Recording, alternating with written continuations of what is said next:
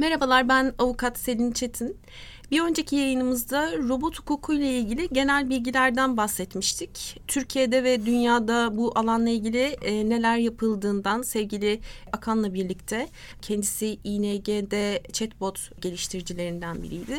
Bir önceki yayınımızda onunla bu hususları değerlendirmiştik. Bu yayındaysa yapay zeka yazılımlarının tasarım süreçlerini ve bu süreçleri hukuken bizim nasıl yorumlamamız gerektiğiyle ilgili hususları konuşuyor olacağız. Engin Tamer'le birlikteyiz. Engin kısaca kendinden bahsedebilir misin? Tabii ki Selin. Lisans eğitimi ve yüksek lisans eğitimi makine öğrenmesi alanında yaptıktan sonra yaklaşık 15 yıldır da endüstride yapay zeka ve makine öğrenmesi projeleri yapıyorum. Şu anda genel olarak uğraştığım alan bilgisayarlı görü ve görüntü işleme alanı.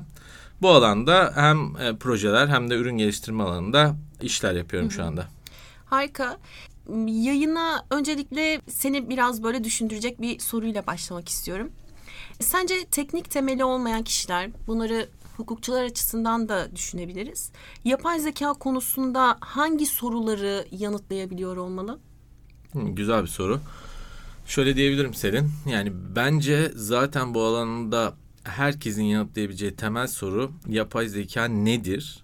Hatta ve hatta ne değildir sorusu olmalı. Çünkü yapay zekanın sınırlarını bilirsek eğer ona göre herkes belirli oranda katkı yapar. Belirli oranda da anlayışlı olabilir bazı sonuçlara karşı ve anlayabilir bu sonuçları. Dolayısıyla aslında yapay zeka nedir'i kesinlikle bilmemiz gerekiyor. Yani herkesin bu işi yapan yapmayan bu işte uğraşan teknik temelli veya değil herkesin yapay zeka nedir ne değildir yani sınırlarını yaklaşık olarak bilmesi gerekiyor. Yani filmlerden öğrendiğimiz ve böyle gelecek tasvirinde yapılan yapay zekadan gerçekten bugün günümüzde yapay zeka ne durumda? Sınırları nelerdir? Ne yapay zekadır, ne sayılmaz gibi şeyleri her alanda çalışan insanın kesinlikle bilmesi gerektiğini düşünüyorum. Hı hı. Temelde en temel söyleyebileceğim şey bu.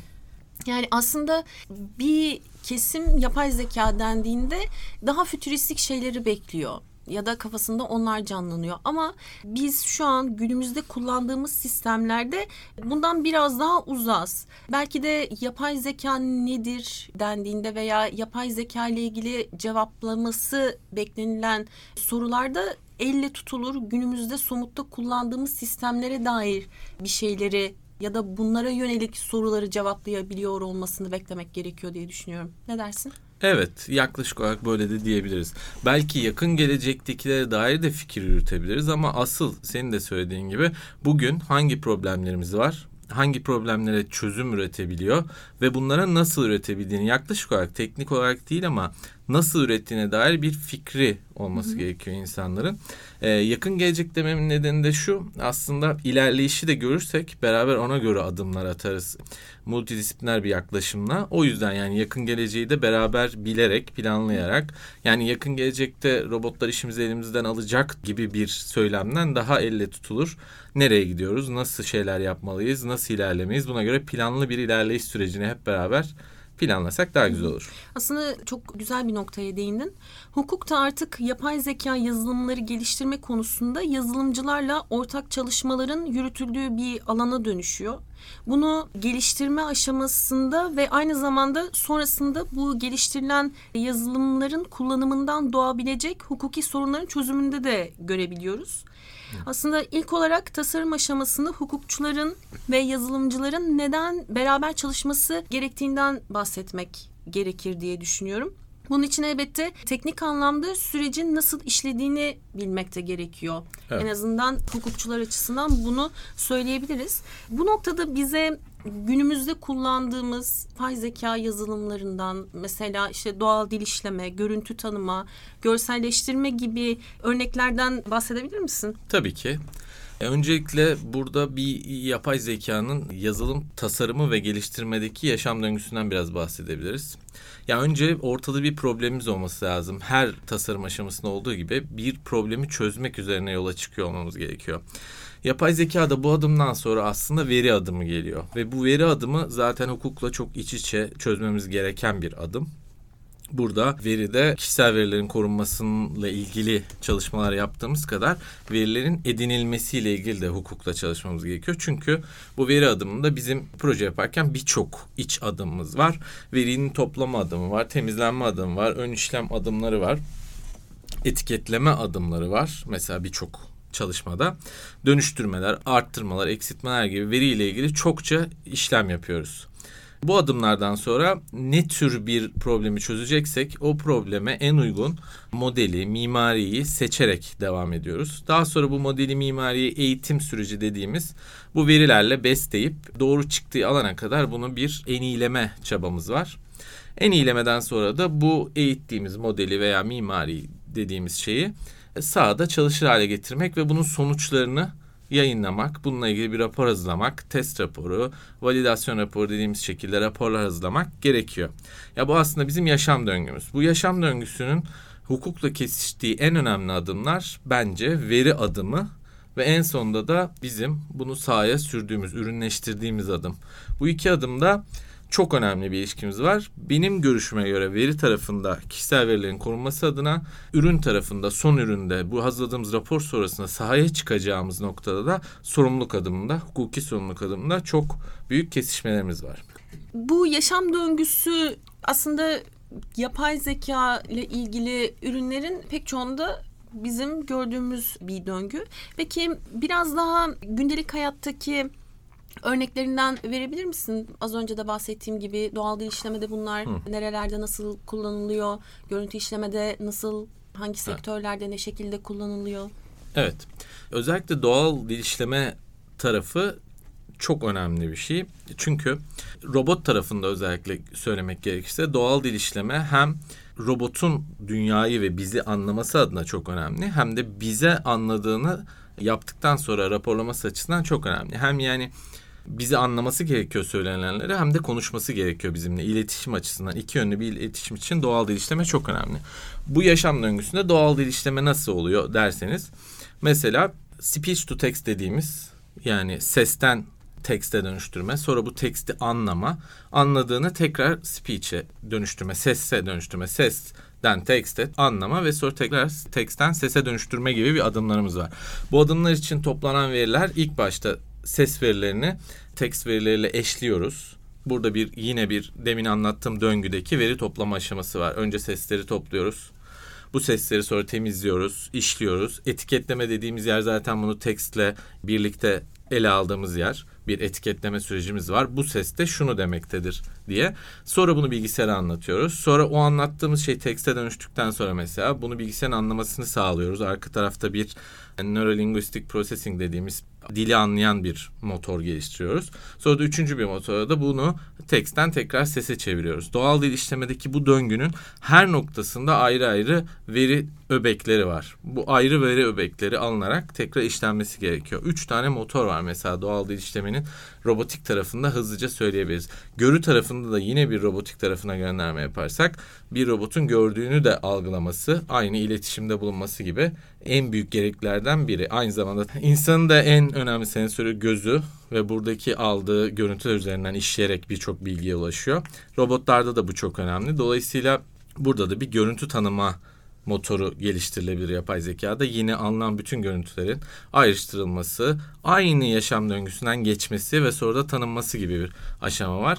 Bunların hepsi aslında yaklaşık olarak aynı aşamalardan geçiyorlar. Görüntü tanıma dediğimiz şey illa çok genel bir şey olmak zorunda değil. Mesela görüntü tanımanın en önemli uygulama alanlarından biri de yüz tanıma.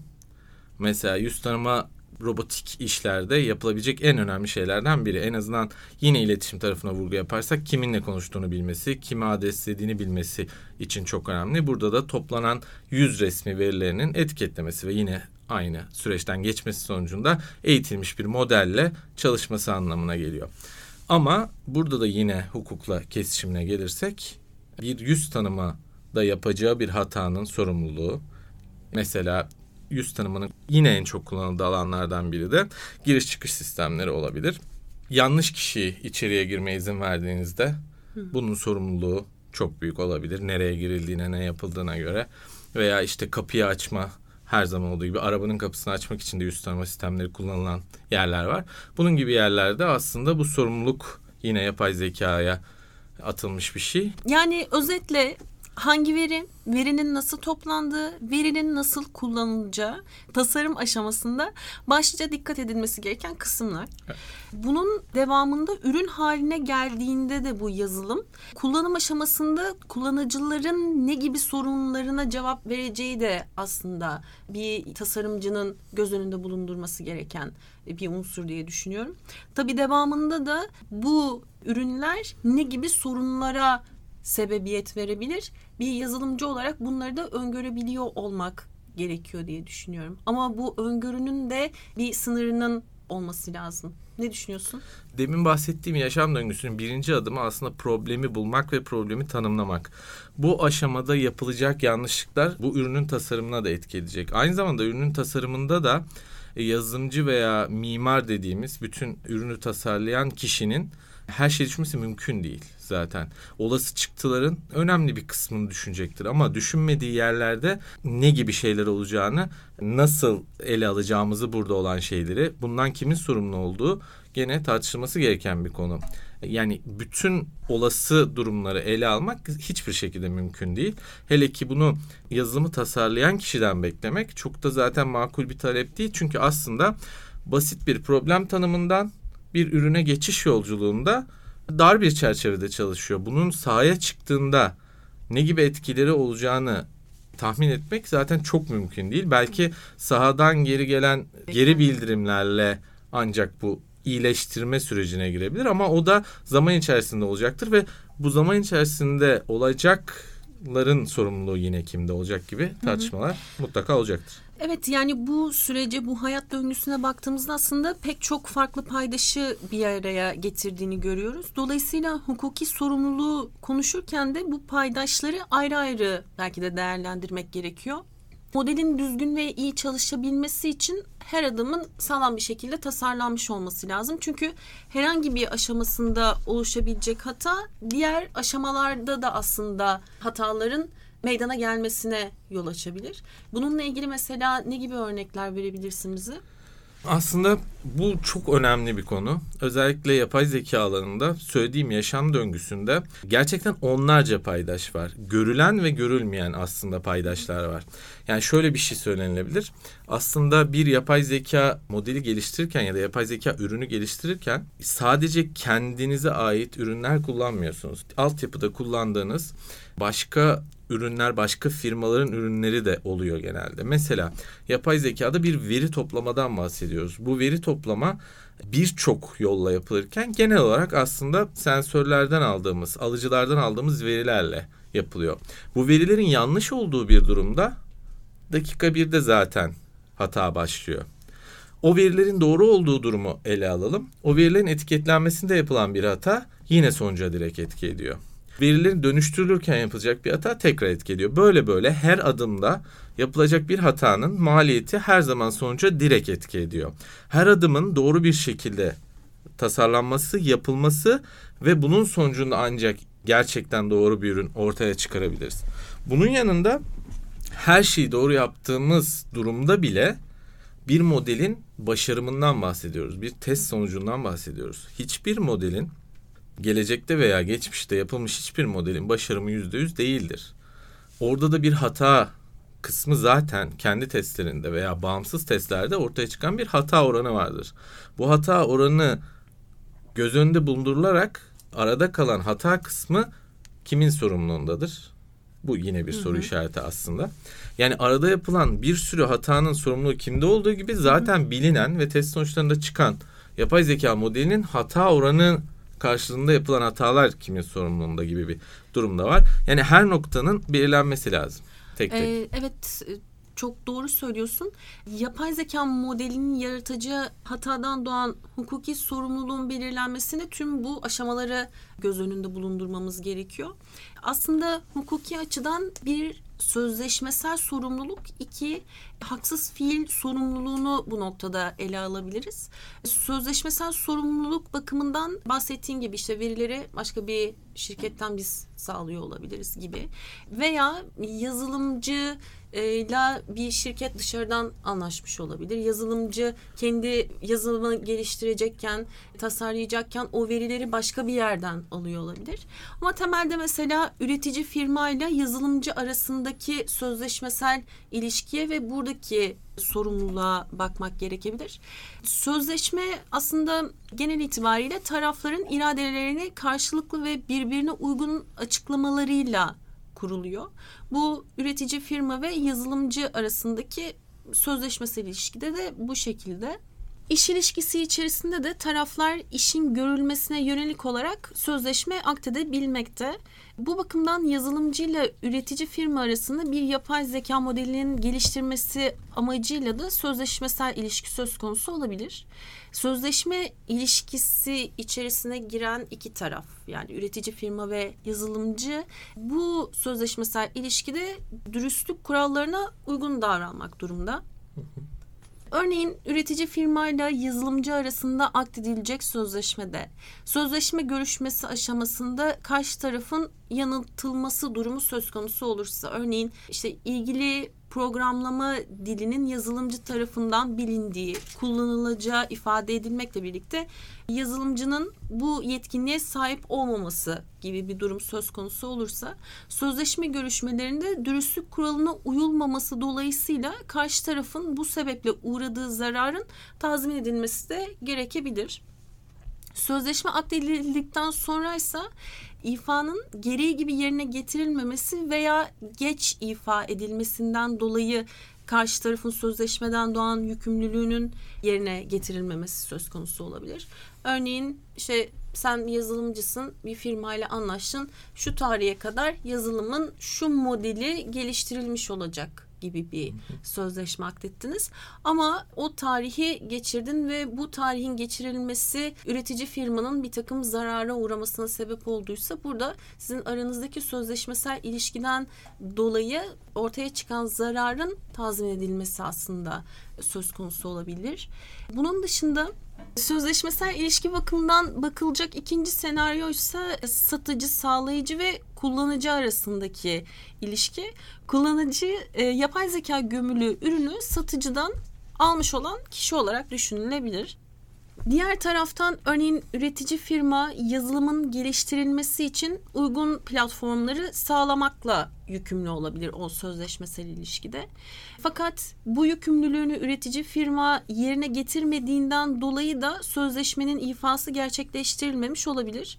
Bu durumda ise üretici firma hem alacaklı temerrüdüne düşmüş olabilir hem de borcuna aykırı davranan kimse durumuna düşmüş olabilir. Dolayısıyla karşı taraf yani yazılımcı isterse alacaklı temerrüdü hükümlerine isterse borca aykırılık hükümlerine dayanabilir. Sözleşmesel ilişki kapsamında. Sözleşmesel ilişki bakımından düşünebileceğimiz ikinci senaryo ise tüketici ile satıcı arasında akdedilen sözleşmeler bakımından olabilir. Burada da bizim göz önünde bulundurmamız gereken tüketicinin korunması hakkında kanun olacaktır. Örneğin ayıplı bir hizmet sunumu söz konusu olduğunda biz tüketici ile satıcı arasındaki sözleşmesel ilişkiye bakıyor olacağız. Örneğin yapay zeka tabanlı bir web servis üzerinden hizmet alan bir kullanıcı var. Hizmetin istenilen sürede başlamaması veya gerekli özelliklerin bu yapay zeka sisteminde bulunmaması ile tüketici karşılaşabilir. Bu durumda sağlayıcı hizmeti sözleşmeye uygun olarak ifa etmekle yükümlü aslında. Dolayısıyla hizmetin ayıplı ifa edildiği durumlarda hizmetin yeniden görülmesi, hizmet sonucu ortaya çıkan eserin ücretsiz onarımı, ayıp oranında bedelden indirim veya sözleşmeden dönme haklarından birini sağlayıcıya karşı kullanmakta serbest aslında kullanıcı. Sağlayıcı bu tercihlerden herhangi birini kullandığında bu tercihe yönelik olarak gerekli ifaları yerine getirmekle yükümlü. Dolayısıyla bu seçimlik hakların kullanılması nedeniyle ortaya çıkan tüm masraflar da sağlayıcı tarafından karşılanmalı. Evet senin bu söylediklerin benim nazarımda şöyle aslında çok bariz bir şekilde yapılan belirli bir hatadan bir tarafın sorumlu olması ve bu Hı-hı. sorumluluğun karşılığında yerine getirmesi zorunlu, hukuken zorunlu işlemler. Ama bir de burada aslında tam olarak hatanın kaynağını bulamadığımız bu demin bahsettiğimiz çoklu paydaş yapısı yüzünden hatanın aslında nerede olduğunu bulamadığımız yerlerde hukukun çözmesi gereken gerçekten önemli sorunlar olacaktır. Mesela çok basitçe bir örnek vereyim. Mesela ben demin verdiğin örneklerden bir yazılım projesi geliştireyim bir şirkete. Yapay zekalı bir yazılım projesi. Bu noktada benim kullandığım arka tarafta dünyaca ünlü şirketlerin kütüphanelerinden birinde çıkan hata yüzünden benim ayıplı bir mal vermiş olma durumum oluşacak. Ama kesinlikle aslında benim hatam yok. Dünyaca ünlü mesela Google'dır, Microsoft'tur bunların sunduğu bir kütüphanenin yaptığı bir hatadan dolayı benim ürünüm ayıplı bir mala dönüşecek. Mesela bu noktada aslında hata tamamen onların ama ben sorumlu olacağım. Başka bir örnek daha verip hemen sözü sana bırakayım. Mesela veri etiketlemede. Etiketleme, veri etiketlemeyi de ben bir şirketten alıyorum. Etiketlenmiş verilerde yapılan hata benim yapay zeka modelimin sonucuna demin konuştuğumuz üzere direkt etki edecek. Ve bu da benim yine ayıplı bir ürün vermiş olmama sebebiyet verecek. Şimdi burada tam olarak sorumlu olan kim? Bu iki verdiğim örnekte de ve bunu hukuk bu tür şeyleri nasıl çözecek? Aslında bu daha kompleks problemleri nasıl çözecek acaba? İlk sorunu cevaplayacak olursam bir yazılımcı olarak sen bir şirketle anlaştın. Onlara bir yazılım tasarlayacaksın evet. ve yazılımın içinde bir kütüphaneden faydalanıyorsun. Evet. Dolayısıyla o kütüphaneden faydalanma senin sorumluluğunda. Yani o kütüphanenin içinde hatalı veriler olabilir, gereksiz veriler olabilir. O tasarımın yanlış bir sonuca varmasına sebep olacak bir takım unsurlar bulunabilir. Ama bu geliştirme noktasındaki sorumluluk, sözleşmesel aranızdaki sözleşmesel ilişki bakımından senin yükümlülüğünde olduğu için oradaki verilerin temizlenmesi, doğru modellenmesi vesaire kısımları da yine senin sorumluluğunda olacaktır. Dolayısıyla doğru kaynaktan verilerini çekiyor olman ve doğru şekilde tasarlıyor olman gerekiyor. İkinci sorun neydi? İkinci sorum şey veri etiketleme ile alakalı. Veri etiketleme hı hı. şirketiyle anlaşıyorum. Onlardan aldığım veride olan hata benim modelime yansıyor. Hı hı. Ee, burada sorumluluk kimde? E, Yine aynı şekilde. Anladım. Yani arada bir alt yüklenici daha var. Evet. Benim aldım. Aynen öyle. Sen yine şirketle anlaşmış evet, durumdasın evet, ama modelin eğitimi kısmında başka bir alt yükleniciden evet, veri, Verileri başka bir yerden. Hı hı, yine hı. gerçi cevap aynı yere gelecek de sen onun da bir Aynen cevap. Öyle. Bu durumda da aslında senin anlaştığın diğer şirketle senin aranda bir sözleşmesel ilişki var. Dolayısıyla oradaki sözleşmesel ilişkide verilerin doğru etiketlenmiş olması ile ilgili aranızdaki sözleşme maddelerine bakıp bunun yorumlanması gerekiyor. Yani oradaki yanlış etiketlemeden dolayı sen bir mağduriyet yaşadıysan geriye dönük olarak tazminat sorumluluğunu diğer şirkete yansıtabilirsin. Evet. Yani tabii şimdi ben çok daha basit sorular sormaya çalıştım ama bir de mesela daha kompleks hale getirsek mesela bir otonom aracı düşünelim. Yani yapay zekanın çok önemli kullanım alanlarından biri bugün aslında düşünürsek. Ve bunu en iyi yapanlardan biri mesela Tesla. Tesla'nın yaptığı bir kazada mesela o kadar çok farklı donanım ve yazım, yapay zeka içinde çalışıyor ki yani birçok sensörden veri alıyor, kameradan veri alıyor, lidar, radar gibi birçok veri, ultrasonik sensörler gibi yani birçok sensörden aldığı verileri topluyor. Arada birçok yapay zeka modeli çalışıyor ve bir noktada bir şey kazaya sebebiyet veriyor. Burada hatanın kaynağının bulunması, altta çalışan onlarca yani o sensör üreten firmalar, burada donanım, yazılım birleşimleri o kadar kompleks mimarlar var ki burada tekrar sorumluyu, gerçek sorumluyu bulmak çok zor bir süreç, çok kompleks bir süreç. Zaten bu yapay zeka ile ilgili yayınlanan rehberlere, raporlara baktığımızda da genellikle vurgulanan bu sistemlerin şeffaf ve açıklanabilir şekilde tasarlanması. O yüzden sorumluluk bahsinde de Bu ilkeler ışığında hareket ediyoruz. O yüzden tabii sen daha iyi açıklarsın. Deep learning dediğimiz sistemde bunların neden sonuç ilişkilerinin binlerce belki de ağla birbirine bağlı olduğu sistemlerde bu sorumluluğu bulabilmek biraz daha güçleşiyor. Ama sistem yazılım ne kadar şeffaf ve açıklanabilir şekilde tasarlandıysa geriye dönük olarak bu sorumluluk zincirini oluşturmak da bir o kadar kolaylaşmış oluyor. Evet. Ya özellikle günümüzde yapay zeka dendiğinde akla gelen bir numaralı algoritmalar hep derin öğrenme algoritmaları oluyor. Yani deep learning dediğimiz algoritmalar oluyor. Evet bu algoritmaların şu an en fazla suçlandığı ve eksik görüldüğü yerde senin de bahsettiğin açıklanabilirlik, şeffaflık gibi konular. Şu an aslında bu algoritmaları, bu mimarilerin yaratıcıları bile aslında nasıl çalıştığını bilmiyorlar. Yani çok fazla kara kutu diyebileceğimiz şekilde çalışıyor. Dolayısıyla açıklanabilirlik çok... Araya giriyorum. Kara kutunun da ne olduğunu e, kısaca anlatabilir Evet yani kara kutu derken şunu kastediyorum. Basit bir girdiye karşılık bir çıktı veriyor ve bunun arada dönen milyonlarca işlem var bu arada arada dönen. Bu milyonlarca işlem sonucunda aslında tam olarak ne yaptığını girdinin nerelerine dikkat ettiğini, hata yaptığında ne gibi bir noktada hata yaptığını tam olarak şu anda açıklayamıyoruz. Bir şeffaflık ilkesi söz konusu değil maalesef.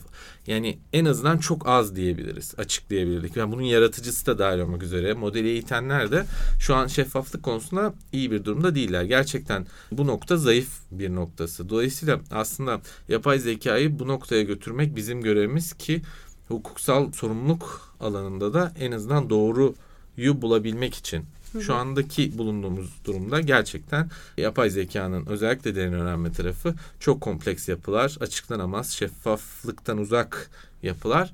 Bizim tarafta, mühendislik tarafında biz bunları kesinlikle daha açıklanabilir, daha şeffaf hale getirmeliyiz. Ve böylece hukuki sorumluluk tarafında da bu kadar kompleks yapılarda daha iyi sonuçlar elde edebilirim. Tabii burada aslında şirketlerin kendi bünyesinde oluşturacağı etik kurallar da etkili olabilir diye düşünüyorum ben. Yazılımların tasarlanması aşamasında. Sence bu tasarımda etikle ilgili bizim özellikle üzerinde durmamız gereken şunlar şunlardır diyebileceğin hususlar var mı? Yani yapay zeka etiği çok önemli bir konu. Yani şöyle bir durum var. Yapay zeka eğer etik kurallara bağlı olmadan e, bir şekilde ilerlerse bugüne kadar birçok sonucunu gördük. Yani mesela kendi kendine öğrenen sistemlerin sosyal medyada hızlıca çok kötü yerlere doğru evrilebildiğini, hızlıca taraf olarak bir tarafa doğru hızlıca yönlenebildiğini gördük. Dolayısıyla yapay zeka etiği çok önemli ve yapay zeka geliştiren her şirket, kurum, kişi yapay zeka etiği konusunda hem bilgilenmeli, bilgilendirilmeli. Şirketler bu konuda kesinlikle bir birim, bir kişi, bir sorumlu atamalılar. Çünkü temel noktada düşünürsek eğittiğimiz yapay zeka hem verilerden bir şekilde bir beslenerek kendince bir taraf oluyor. Bir de eğiten kişinin de bulunduğu tarafa doğru evrilmesi çok doğal bir sonuç. Yani bu çok da istediğimiz bir şey değil. Daha tarafsız, daha açık, daha şeffaf bir yapay zeka bütün dünya için daha iyi olacak. Yani bunu vurgulamamdaki sebep şu yayının en başında konuştuğumuz gibi bu yazılım veya işte yapay zeka sistemleri oluşturulduktan sonra kullanıcı açısından ne gibi sorunlara sebebiyet olabileceği ile ilgili aslında kısım burayla da bağlantılı. Dolayısıyla şirketlerin hem hukuk hem de etik hem de yazılımcılarla ortak bir şekilde aslında bu tasarımları yapıyor ve sürdürüyor olması gerekiyor diye düşünüyorum. Tabii ki yani özellikle yapay zeka alanında geliştirme yapan yazılımcılar ya da bu alanda çalışan herkes için şöyle bir şey söz konusu. Hem yapay zeka etiği konusunda bilgilenmeliler ve buna göre hareket etmeliler. Hem sorumluluk bilinci içerisinde olmalılar. Yani bu yapay zekanın ürünleştikten sonra proje sonunda bir çıktısı olduğunda bunun sorumluluğunun kimde olduğunun bilincinde olmalı. Bunun sorumluluğunu almalılar şirket olarak, kişi olarak, çalışan olarak ve bunun bilincinde bütün geliştirme aşamasını yapmalılar. Tasarım aşamasından sonuç aşamasına kadar söylediğimiz yaşam döngüsü yapay zeka etiği ve hukuki sorumluluk bilinciyle oluşturulmalı. En başından en sonuna kadar. Aslında kabaca sözleşmesel sorumlulukla ilgili söyleyebileceklerimiz bunlar. Tabii bunun daha detaylıca değerlendirilmesi gerekebilir ama yayın süremiz de kısıtlı olduğu için özet haliyle bunlardan bahsedebildik. Öte yandan haksız fiil sorumluluğuna da değinmek gerekir diye düşünüyorum. Türk Borçlar Kanunu madde 49'da genel itibariyle kusura dayanan haksız fiil sorumluluğundan bahsedilmektedir. Bunun dışında hem Türk Borçlar Kanunu'nda hem de Türk Medeni Kanunu'nda hem de diğer bazı özel kanunlarda kusursuz sorumluluk halleri yer almaktadır. Türk Borçlar Kanunu'na göre e, kural olarak haksız fiil sorumluluğu failin kusurlu olmasına bağlıdır. Bu bakış açısıyla yola çıkıldığında da kusura dayanan haksız fiil sorumluluğu üç kategoride sıralanabilir. Hukuka aykırı fiil, bu fiille bir kişiye verilen zarar, fiilin işlenmesinde failin kusurlu olması. Bu genel bakış göz önünde bulundurulduğunda bir yapay zeka modeli geliştirilirken ve bu modeli ürünlere uygularken ilgili aşamalarda kusurlu fiil ile hareket edilmesi de söz konusu olabilir. Veri biliminin hayat döngüsünden ve farklı paydaşların bir araya gelmesinden bahsetmiştik. Bu hayat döngüsünde kendi sürecini yürüten her paydaş kusurlu hareketiyle bir zarara sebep olabilir. Kusurlu hareketi gerçekleştiren kimse söz konusu zarardan da o sorumlu olacaktır. Örneğin model tasarımında veri temizleme işleminden bahsettik. Bu işlemi yapan kişi kendi ihmalinden kaynaklı olarak hatalı verileri model içinde tuttuysa ve sonrasında bu durum kullanıcı açısından bir zarara sebebiyet verdiyse kişi bu kusurlu hareketinden dolayı zarardan sorumlu olacaktır. Öte yandan fiilin hukuka aykırılığına rağmen herhangi bir zarar meydana gelmemişse failin cezai sorumluluğu olsa bile haksız fiil sorumluluğu söz konusu olmayacaktır. Haksız fiil sonucu mağduriyet yaşayan kişi bakımındansa uğradığı zararın tazmini bu haksız fiilden sorumlu olan kimse veya kimselerden talep edilebilir. Örneğin yapay zeka yazılımı geliştirme konusunda dışarıdan hizmet alınmadan bahsetmiştik. Yazılımda kusura dayalı bir fiilden kaynaklı hata varsa ve bu şirket tarafında bir zarara sebep olmuşsa ve de tarafların aralarındaki anlaşma bu zararın tazmini konusunda çözüm öngörmüyorsa bu durumda şirket yetkili organı tarafından şirket adına tazminat davası açılabilir. Öte yandan kusursuz sorumluluk haline de değinmek gerekir diye düşünüyorum. Türk Borçlar Kanunu'nda düzenlenen kusursuz sorumluluk haline bakıldığında adam çalıştıranın sorumluluğu, hayvan bulunduranın sorumluluğu, bina veya diğer yapı malikinin sorumluluğu, ayırt etme gücü bulunmayanların sorumluluğu ve zorda kalma halinde verilen zarar lara ilişkin sorumluluktan bahsedilmektedir. Yapay zeka ve robotların kullanımı açısından sorumluluğun belirlenmesine yönelik olarak kusursuz sorumluluğun uygulanabileceği ile ilgili görüşler mevcut ancak e, bu görüşler tartışmalı. Örneğin hayvanlara dair düzenlemelerin geçerli olabileceğine ilişkin öneriler söz konusu. Her ne kadar yapay zeka ve robotlar açısından hayvan bulunduranın sorumluluğu uygulanabilir gözükse de bu sorumluluğun temeline baktığımızda bir hayvanın başkasına zarar vermemesi için gereken tedbirlerin alınması ile ilgili bir özel yükümlülüğü e, söz konusu. Dolayısıyla bu sadece hayvanların verdiği zararlar açısından düşünülebilir. Öte yandan yapay zeka yazılımlarından kaynaklanan zararlardan sorumluluk bahsine ilişkin davranış kodu şeklinde de öneriler mevcut. Bu öneriye göre bir değerler hiyerarşisi oluşturup üretim aşamasında yazılımın içerisine yerleştirmek sorumlulukla ilgili kısımda bize çözüm sunabilir. Bu öneri kapsamında kodun yerleştirilmemesi ya da yerleştirmeden doğacak zararlar üretici tarafından karşılanabilecektir. Toparlayacak olursam sözleşmesel sorumluluk ve kusur sorumluluğuna dayanan hallerde yapay zeka yazılımlarından kaynaklı zararlar açısından hala mevcuttaki düzenlemelerimizde çözümler mevcut. Kusursuz sorumluluk halleri bakımındansa Türk Borçlar Kanunu'nda sınırlı sayı ilkesi belirlendiği için biz ayrıca bu kusursuz sorumluluk hallerini genişleterek yapay zeka ve robotlar bakımından ne yazık ki şu an uygulayamıyoruz diyebilirim. Bu davranış kodu ve değerler hiyerarşisi konusunda bir bu davranış kodu ve değerler hiyerarşisi nasıl belirlenecek? Kim belirleyecek? e, gibi çok önemli sorular var. Bir de bu davranış kodu ve değerler hiyerarşisi şu anda demin konuştuğumuz şeffaflık ve açıklanabilirlik sorunları halen varken bizim tarafta nasıl yazılımın sistemin içine gömülür ve çalışır hale gelebilir gibi çok önemli sorular var. Yani dediğim gibi bir nasıl belirleyeceğiz bu davranış kodunu, hiyerarşiyi ki bence beraber belirlenmesi gereken bir şey. İkincisi de bunu nasıl koyacağımız da şu anda çok büyük bir problem içeriye. Çünkü gerçekten sistemleri söylediğimiz üzere kara kutu şeklinde çalıştırıyorsak eğer nasıl çalıştığına dair çok fazla fikrimiz yoksa bu hiyerarşiyi nasıl içeri adapte edeceğiz çok büyük bir problem. Yani teknik açıdan da aslında bizi zorlayabilecek bir süreç diyorsun. Çok zorlayabilecek bir süreç gerçekten. Ama ilerleyeceğiz. Biz daha şeffaf ve açıklanabilir hale gelirken e, hukukla da kol kola bunu bir şekilde değerler hiyerarşisini çıkarıp sistemlerin içine adapte edip sorumluluğu en azından hukuki sorumluluk aşamasını çözmemiz gerekiyor. Hı hı. Yani aslında belki de yayının en başında konuşmamız gereken şeyi biraz daha sona atmış durumdayız. Yapay zekanın veya robotların hukuki kişiliği tartışmaları. Bu da sanırım yazılımcılar arasında da biraz soru işareti yaratan bir husus. Aslında genel itibariyle kişilik kavramına baktığımızda Türkiye'deki düzenlemelere baktığımızda karşımıza gerçek kişi ve tüzel kişi kavramı çıkıyor. Gerçek kişi dediğimiz kişilik türü sağ ve tam doğumla kazanılan bir şey. Dolayısıyla burada yapay zeka ve robotlar bakımından baştan elediğimiz bir kişilik türü aslında.